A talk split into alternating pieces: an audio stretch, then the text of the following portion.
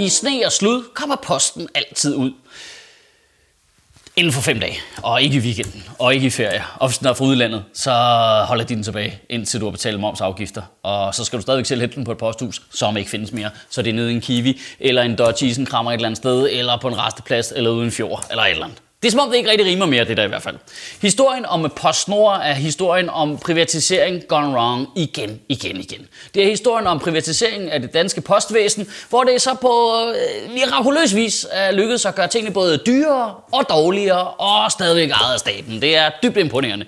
Og det er ikke fordi privatisering i sig selv er en dårlig idé, men det er som om, vi glemmer at bruge hjernen hver gang, vi skal gøre det. Ideen om at privatisere postvæsenet er simpelthen underfrankeret, og den er ikke kommet frem. Hold kæft, det bliver stramt med de her postjokes, var? Det er, hvem har fundet på det som emne? Nå ja, mig, for du findes ikke. Godt, lad os lige få noget helt basalt øh, data på plads. I 1995 bliver Post Danmark, der er et statsligt organ, der står for at omdele posten i Danmark, lavet om til en privat virksomhed, hvor staten ejer 100% af aktierne. Og gennem årene har man så øh, prøvet at reformere Post Danmark igen og igen med henblik på at sælge de her aktier. Og det lykkedes jo øh, ganske kort i år 2005 ved at man fik solgt 22% af aktierne til en kapitalfond. Så fik de lov at kigge rigtigt i regnskaberne. Så gad de ikke det lort alligevel, så solgte de dem tilbage til staten igen. I 2009 der bliver Post Danmark så lagt sammen med det svenske Postan, som er fuldstændig samme konstruktion, bare i Sverige. Og det bliver så lavet om til PostNord, som vi så først har fået implementeret navnemæssigt i Danmark nu her for nylig, men det har faktisk været PostNord siden 2009. Og det er jo det, der går helt galt, for du skal ikke lave et samarbejde på tværs af Øresund uden Kimbotnia. Det ved alle. Til at starte med, så er jeg altså virkelig imponeret over optimismen i at ville drive det som et privat firma og så sælge aktierne. Altså, hvem er det, der sidder og tænker, brevforsendelse du, det bliver stort igen lige om lidt. Det kan vi sagtens selv. Hvor der er lige om lidt, så begynder hipsterne at sende breve, så bliver det kæmpe stort, så sælger aktierne for en milliard. Hvem fuck sender breve? Det er jo håbløst gammeldags jo. Når selv staten og kommuner, der er last mover på alt, er holdt op med at sende breve og sender ting elektronisk til vores e-boks, så ved du fucking godt, hvad der er, der at ske. Det, det, er jo, det, er jo, det, er jo bare, det er jo bare så trist og gammeldags. Det burde jo ikke hedde Post Nord, det burde jo hedde PostNoir. Og nu er PostNoir så kommet i økonomiske problemer. Jamen, øh, surprise, surprise, det viser sig simpelthen. Jamen, øh, ja, altså, det, det, er du klar? Sidder du ned? Det kommer som en chok for det der. Det viser sig. Man kan ikke tjene penge på og yde en service, som folk ikke bruger mere. Jamen, jamen jeg ved det ikke. Altså, det er bare så, så, så kommer de vel lige om lidt og fortæller os, at vi ikke kan sælge vores telefonbokse for 200 milliarder kroner. Jamen, jeg er i chok. Det, det, det er vanvittigt. Underskuddet i øh, Post Noir er på 1,5 milliarder kroner, og bare lige for at sætte det lidt i perspektiv, så 1,5 milliarder, det er cirka det, det koster at sende 8 pakker til Næstved. Men faktisk giver øh, Post Noir overskud i Sverige, men det giver også meget mere mening. Jeg tror, de sender mange flere breve til hinanden derovre, og det giver også mening, fordi herhjemme, der, det tager for lang tid at skrive brevet og sende det, og så få svar igen. Det er nemmere bare lige at køre over og sige det. Der er alt er så tæt på hinanden. I Sverige Sverige, der er det jo også farligt at gå udenfor. Der kan du blive angrebet af en vild elg eller et eller andet. Der er det meget smartere at få postbud til at sætte øh, livet over styr på det projekt der.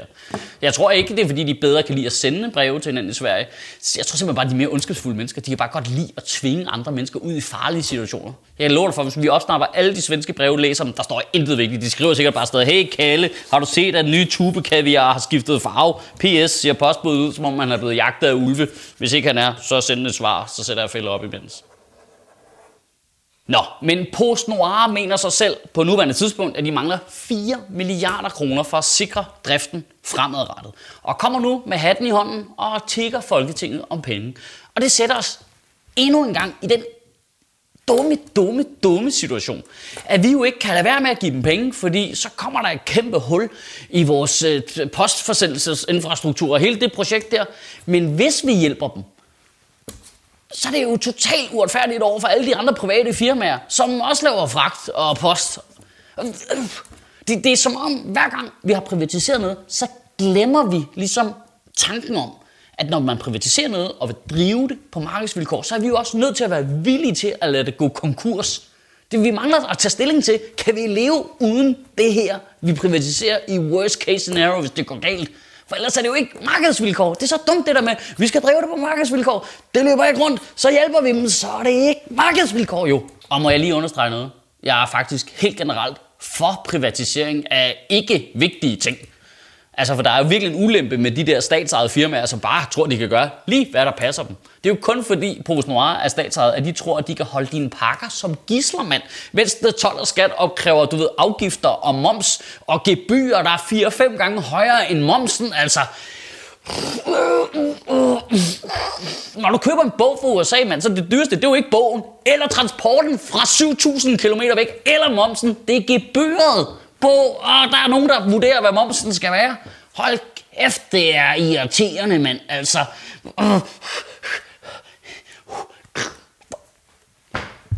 fordi det, det løber jo ikke rundt.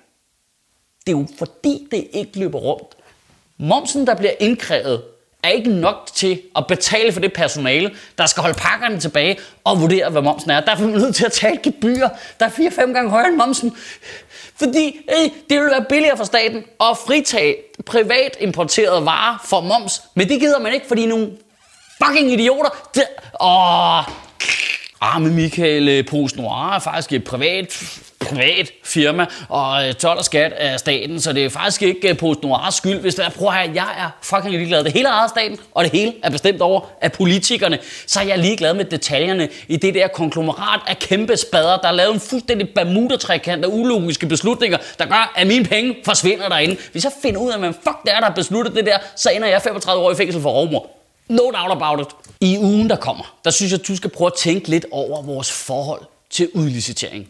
Er det ikke på tide, at vi får en kvalificeret, principiel diskussion om frasalg af borgernes ejendom?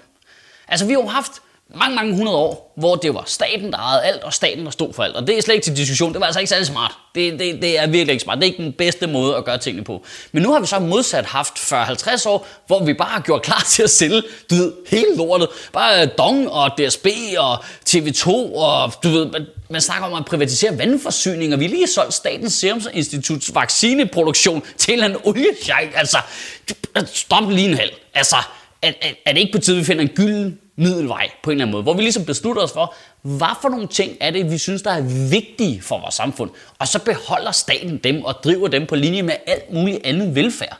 Og ikke fordi man ikke må konkurrere med staten, det må man sagtens, men bare ideen om, at vi, vi er ligesom nødt til at garantere, at der er nogle plejehjem og noget vand, og vi kan få nogle vacciner og sådan noget. Og så kan vi frigive resten. Så kan vi udlise til resten sådan rigtigt, altså uden sikkerhedsnet, og hvis det så ikke kører, så må lortet gå konkurs. Og så er det jo så en politisk beslutning, hvad for nogle ting, der hører til hvor. Altså det kan man jo altid diskutere, hvad man synes, der er det vigtige, og hvad for noget, der ikke er det vigtige. Men den der mellemvariant, vi har nu, hvor ting bliver dyrere og dårligere, og stadigvæk bliver understøttet af staten, det, kan vi, det må alle der kunne blive enige om. Det, det, det er da ikke optimalt, som minimum. Kan du have en rigtig god uge og bevare min bare røv. Kæft mand, hvis du, at Socialdemokratiet har en postordfører, det har de fandme.